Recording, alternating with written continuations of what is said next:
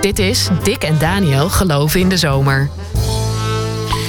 Ja, welkom bij deze special van Dick en Daniel. In de zomerweken doen we het wat anders dan gewoonlijk en verdiepen we ons met jou in protestantse heiligen. We kennen natuurlijk de heiligen uit de Rooms-Katholieke Kerk. En protestanten doen doorgaans niet een heilige verering. Maar we vinden als Nederlands Dagblad dat het wel belangrijk is om te kijken naar protestantse voorbeeldfiguren. En in deze zomer doen wij een voorzet voor een protestantse heilige kalender, Dick. En uh, online uh, en op papier hebben we negen afleveringen. Podcast doen we zes afleveringen over protestantse heiligen. En uh, deze keer radiojournalist en dichter Jochen Klepper, Dick. Ik moest even nadenken, maar kon niet bedenken wie hij is. Vertel jij eens wat over hem? Nou, ik denk dat vooral zijn levenseinde wel heel erg veel indruk heeft gemaakt. Ik ga je er iets over vertellen. Even bijvoorbeeld, het is een vrij heftig verhaal. Uh, dus dan, uh, dan weet je dat. Uh, het is 10 december 1942. Het is al s'avonds laat. En de Duitse dichter, journalist en liedschrijver Jochen Klepper... die slaat in zijn appartement in Berlijn zijn dagboek dicht. Morgen zullen zijn Joodse vrouw Hanni en zijn stiefdochter Renate worden meegenomen. Heel erg waarschijnlijk zullen ze dan worden gedeporteerd naar, naar Auschwitz. En dat kan niet en dat mag niet gebeuren, hebben ze besloten. Ze hebben dan uh, daarvoor maandenlang geprobeerd om in elk geval voor Renate, hè, voor die stiefdochter, een visum te krijgen, zodat ze naar het buitenland kan, uh, kan wegkomen. Maar Adolf Eichmann, hè, de, de bekende nazi mm -hmm. uh, die daarvoor verantwoordelijk is, die weigert dat keer op keer. En nu zijn eigenlijk gewoon alle kansen verkeken. En die nacht, die, die, nacht die, brengen ze met z'n drieën zichzelf om. Dus de, de, de niet-Joodse Klepper en de Joodse Hanni en Renate. En als je Kleppers dagboek leest, dan blijkt dat het een heel erg aangevochten, maar ook een wel overwogen keuze is geweest. Die heel erg veel met, met heel veel gebed en ook voor het aangezicht van, uh, van God werd genomen. Hij heeft het allemaal opgeschreven daarover. Ja, hij heeft op de laatste pagina van zijn dagboek. En dat zijn echt, als je dat op, tot je laat doordringen, dan krijg je wel een soort trillingen ja. over, je, over je rug, zo'n rilling. Van wij sterven nu, heeft hij dan opgeschreven. Ach, ook dat hebben we bij God neergelegd. We gaan vannacht samen de dood in. Boven ons staat in de laatste uren het beeld van de zegenende Christus die voor ons strijdt. In diens aanblik eindigt ons leven. En dan blijkt achteraf dat om de deportatie van zijn vrouw en zijn dochter, om eraan te ontkomen, Klepper de gaskraan van hun appartement heeft, heeft opengedraaid. Wow. Ja, dat is een heel erg heftig verhaal van een uh, hele bijzondere man. Ook wel een heel erg zwaarmoedige en wat melancholische man die in Nederlandse kerkelijke kringen vooral bekend werd uh, door het lied uh, De Nacht is haast ten einde. Laten we daar even wat van, uh, van horen.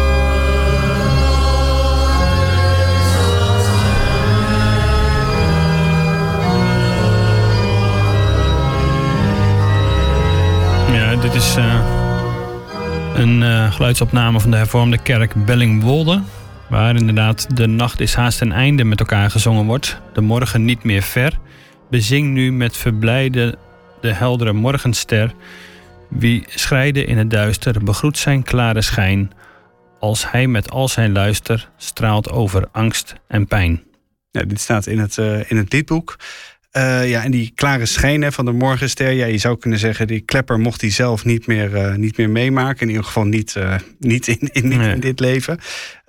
maar ik denk dat zijn woorden wel sindsdien, zeg maar, dit is een lied uit 1938 zeg maar, toen het echt wel heel erg spannend werd in de wereld, zie ik wel heel erg veel mensen in donkere perioden hebben, hebben bemoedigd en uh, ook wel getroost, uh, denk ik. Ja. Hij heeft veel meer van dit soort liederen uh, geschreven. Hij heeft in 1938 een bundel kerkliederen uitgebracht met de titel Kyrie, hè, dat betekent ontferm u. En daarin zit eigenlijk voortdurend in al die liederen een soort donkere dreiging op de achtergrond. Uh, bijvoorbeeld, ik leg mij in uw hoede neer en mag de vrede vinden. Wie zich aan u gewonnen geeft, die slaapt in als uw beminde. Of een, of een kerstlied. Uh, mijn God, uw feest van licht en leven. Nou, denk je, dat is, mm -hmm. dat is een vrolijk lied. Maar dan staat, gaat toch het laatste couplet. Heer, mocht ons feestgevoel verdwijnen. Ten ondergaan in zelfbeklag. Laat kerst dan in ons hart verschijnen. Want elke dag is Christusdag. En wat zijn inderdaad zelf wat zwaarmoedig? Of had hij eigenlijk al dat nazisme wat al zo'n ja, druk op hem legde dat hij dit soort liederen schreef? ik denk allebei. Uh, je moet je voorstellen dat uh, Klepper, die studeert uh, theologie, die wil dominee worden, net als zijn, net als zijn vader. en die besluit dan uiteindelijk toch dat hij liever schrijver wordt, dat hij liever journalist wordt. komt ook een ontzettend overspannen toestand terecht, gaat dan in, in Breslau wonen. En dan valt hij eigenlijk meteen als een, als een blok voor zijn, voor zijn huisbaas, zijn huisbazin dat is een jonge weduwe, die, die heet Johanna Stijn. He, mm -hmm. Joodse, Joodse achternaam. Ja. Hanni noemt hij haar.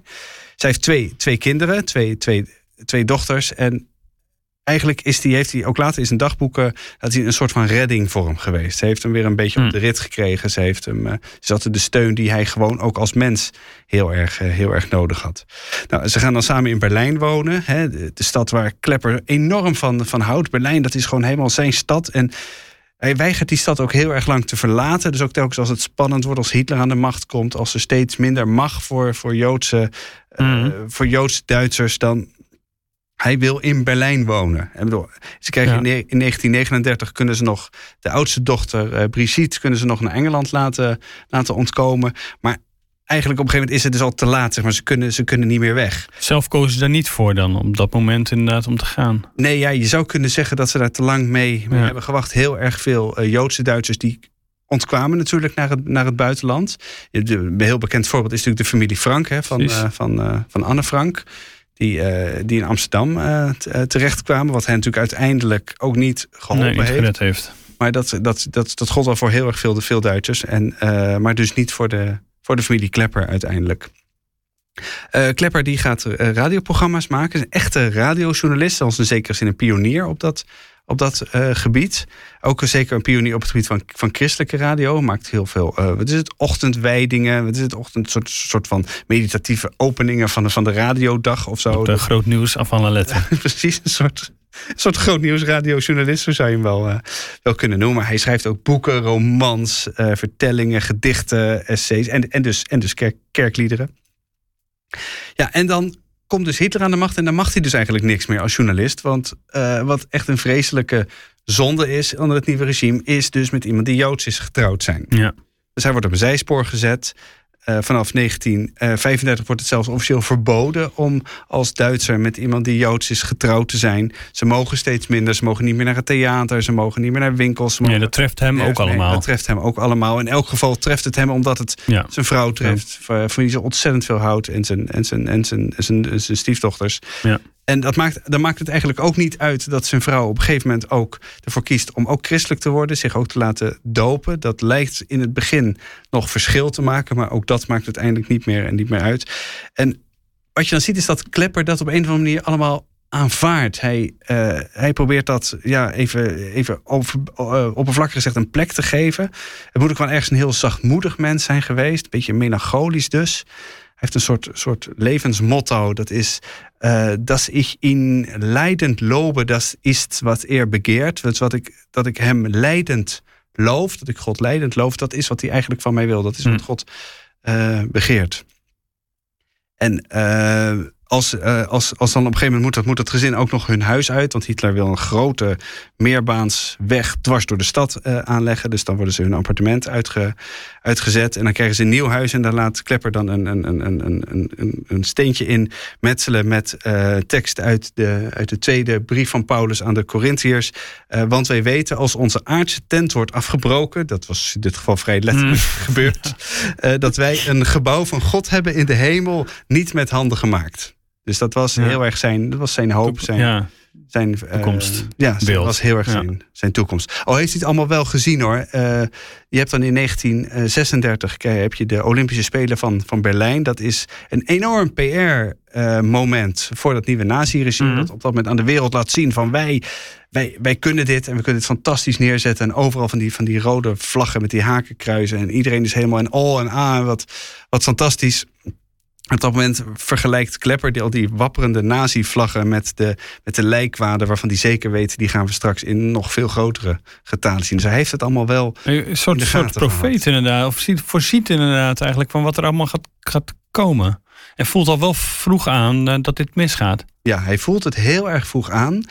Uh, tegelijkertijd zijn er ook mensen geweest die achteraf. Kijk, ik bedoel, over, over de doden niets dan goed, zou je kunnen mm. zeggen. Maar er zijn ook mensen die we achteraf hebben gezegd. Maar heeft hij zich ook niet ontzettend afzijdig gehouden? Hij heeft mm. het allemaal wel over zich heen laten komen. Hij heeft. Een schaap ter slachting geleid, zou ik maar zeggen, haast ja. bijna dan. Mm. Ja, hij, hij, is niet in verzet gekomen. Hij is, nou ja, hij is, uh, misschien is hij ook wel gewoon te traag geweest met ervan doorgaan. Hij. Uh, uh, heeft bijvoorbeeld uh, zich niet aangesloten bij de bekennende Kirche. Dat is dat deel van de Duitse protestantse kerk dat zich tegen de invloed mm. van Hitler met name in de, in de kerk zelf uh, keerde. Dat, daar had hij niks mee, daar kon niks mee. De verzet was niet zijn, was niet zijn woord. Nee. Dus was dat vooral in de liederen die hij dan dichtte en de manier waarop hij zich opstelde, maar niet zozeer in het actieve verzet nee, daartegen. Nee, daar was, hij, daar was hij totaal niet van. En waarom komt hij op de heilige kalender van het Nederlands Dagblad. Wat maakt hem dan toch dat je hem hier nog wil noemen? Nou, dat is dan een goede vraag. Want ook zijn, uh, bedoel, zijn keuze voor zelfdoding is, uh, is ook veroordeeld. Er zijn ook mensen geweest die zeggen: ja, had hij dat als christen wel mogen doen? Hè? Dus, ik bedoel, zelfdoding is in de christelijke traditie altijd als een, als een ernstige zonde beschouwd. Dat, dat mag je niet doen. Uh, kijk, een klepper laat in zijn dagboek, dat is ook na de oorlog uitgegeven, zien van ja, wij hadden echt geen andere keuze. Het alternatief was vreselijk geweest. En we hebben, we hebben gebeden, we hebben het voor God neergelegd. En op een gegeven moment dachten we, dit is de weg die we, uh, die we kiezen. Ja. Maar goed, ja, het is, het, het is wel, wel, een hele heftige stap. Dus ja, volgens mij stel je de, de rechte vraag, waarom staat hij nou hier op het lijstje? Uh, wat mij betreft, wat mij heel erg in hem raakt, is die bijna visionaire manier waarop hij dat, dat, die donkere lucht zeg maar, van, van zo'n van zo'n duivelse ideologie heeft, mhm. heeft gezien, dat daar, daaronder heeft geleden uh, en, daar, en daar ook woorden aan heeft gegeven. Ja. hij heeft dat op een of andere manier heeft hij dat in zijn, uh, in zijn liederen een we is het stem kunnen geven. Die, die, die, die ja. donkerte en ook het gevoel, ja, ik, ik weet het allemaal ook niet. ik ontkom er niet aan. Ik ben niet degene die dit gaat, Nee. Die dit gaat, gaat regelen. Zijn, trouwens, heel veel van zijn liederen zijn vertaald ook in het Nederlands. Zijn uitgegeven in een, uh, in een bundel uh, Het licht breekt door de wolken. Dat is alweer typisch zo'n zo'n Klepperiaanse gedachte van donker en licht. En dat als het dicht is. Komt heel vaak terug in ja, zijn uh, liederen. Dan ja. breekt als het donker is, breekt toch ergens de, ja dicht door. Dus nee, dit is wel, het is wel een heilige met een, met een, met een rafelrandje. In elk geval niet, uh, niet zo'n grote heilige als andere heiligen in deze serie. Zoals Major Boshart of Florence Nightingale. Die echt gewoon zich van volle overtuiging voor hun medemens hebben ingezet. En daar andere dingen uh, voor hebben gelaten. Ook heel erg veel ja. opgegeven in hun leven. Klep heeft ook heel veel opgegeven. Uh, maar het was meer wat dat het hem overkwam, zou ja. je kunnen zeggen, dan ja, precies. En woordelijk verzet, uh, zeg maar in liederen, of in elk geval daar woorden aan geven over wat het gevoel van die tijd was. Maar niet zozeer in actief uh, zich daar, uh, nou ja, anderen helpen of voor inzetten. En tegelijk heeft hij daarmee ook alweer een bepaalde impact en een stempel nagelaten. Want het is natuurlijk ook de geschiedenis is ook weer. Het is ook makkelijk achteraf oordelen ja. over hoe, uh, hoe iemand zich uh, voelt, wat van keuzes iemand uh, maakt. Maar hij voelde wel haarfijn aan wat er mis was met het nazisme. Even nog op een nog vroeg stadium al natuurlijk. Omdat, ook omdat zijn, zijn vrouw en stiefkinderen daarmee te maken hadden. Maar ook omdat hij zelf dat dus wel echt zo, uh, zo zwaar voelde drukken. Ja, hij heeft daar echt onder geleden, zou je kunnen zeggen. Ja, dat is wel onder dat aanvoelen. Ja, dat is wel de kunst om het ook weer aan te voelen. Van wat speelt er inderdaad eigenlijk in uh, deze wereld. En wat voor uh, machten zijn er misschien wel achter zichtbaar. Waar je niet meteen in eerste instantie ziet. Maar wel zo kunt ervaren. En mensen zwaar ja, in het zwart kunnen, in het donker kunnen drukken. Ja, en dat, uh, dat vind ik denk ook wel, zeker als we het over protestantse heiligen hebben, een heel erg belangrijk punt. Uh, uh, dat we het niet alleen over perfecte mensen hebben. We hebben het niet over mensen die al, altijd op de barricade staan, altijd genoeg energie hebben, altijd wel weer ergens een lichtpuntje zien, altijd wel weer doorgaan. Uh, het ook gewoon over mensen ja. die af en toe gewoon super donker is, die niet meer ja. weten hoe ze verder moeten, zelfs in het meest uh, letterlijke zin ja. van het woord, zoals bij uh, ja. die klepper is gebeurd. Het is ook belangrijk om die te herinneren en te gedenken op deze manier. Dat is wat wij doen en hebben gedaan met deze podcast. Dankjewel uh, Dick voor uh, de uitleg over Jochen Klepper. Roep dit bij jezelf als je dit geluisterd hebt ook spanning op of kamp je met gedachten van uh, zelfdoding? Ga dan naar 113.nl en vraag om hulp. Het is heel belangrijk dat je ook dat soort je niet alleen daarmee blijft lopen. Wil je meer lezen over heiligen? Kijk dan op nd.nl/slash heiligen.